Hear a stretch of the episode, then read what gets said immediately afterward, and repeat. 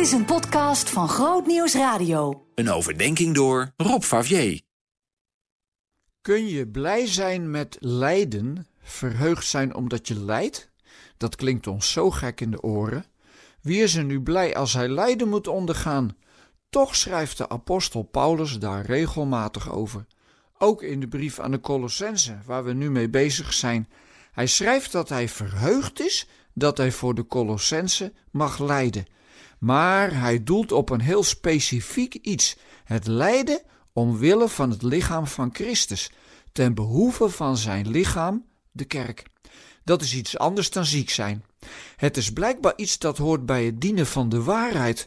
Want de waarheid is over het algemeen niet zo geliefd in de wereld. En als het evangelie de waarheid is, dan roept dat weerstand op.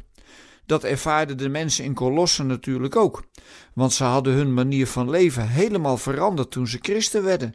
Dat waarheid met lijden te maken heeft, dat weten we maar al te goed. Denk maar eens aan meneer Navalny, die het tegen Poetin durfde op te nemen en nu misschien wel de rest van zijn leven in een gevangenkamp moet slijten. Maar het is een bewuste keus van hem geweest. En zo zijn er nog veel meer mensen te noemen die opgestaan zijn tegen onrecht, terwijl ze wisten dat ze daarvoor opgepakt zouden worden. Eigenlijk ging het met Jezus precies zo.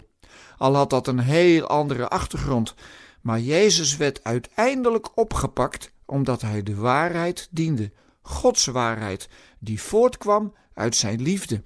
Dus blijkbaar hoort lijden bij liefde. Als je het wat gewoner zegt, zou je dan kunnen zeggen dat het gaat om de vraag of je ergens iets voor over hebt. Topsporters die kampioen willen worden, moeten bijna alles voor hun sport over hebben.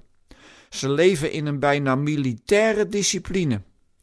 Maar ze richten zich op het doel waar ze voor gaan.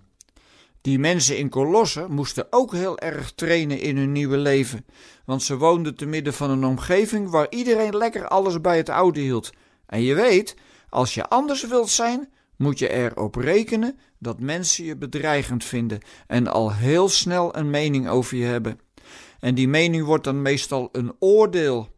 Maar zoals Paulus benadrukt dat zijn lijden voortkomt uit de taak om de boodschap van Gods liefde in al haar volheid te verkondigen, zo mogen wij dat ook aan elkaar vertellen. Wat heb je ervoor over? Jezus gaan volgen kan betekenen dat bepaalde vriendschappen beëindigd worden. Het kan betekenen dat je niet serieus genomen wordt en dat mensen je bespottelijk maken. En er zijn te veel landen op de wereld waar christen zijn ook kan betekenen dat je de gevangenis in moet of nog erger. Maar wie de kracht van Gods liefde heeft ontdekt, heeft dat ervoor over. Natuurlijk is het een enorme uitdaging en gevecht. We zeggen dan wel eens: waar een wil is, is een weg.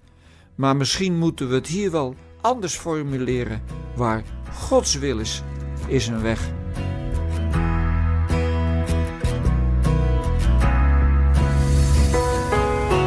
Meer verdieping? grootnieuwsradio.nl/podcast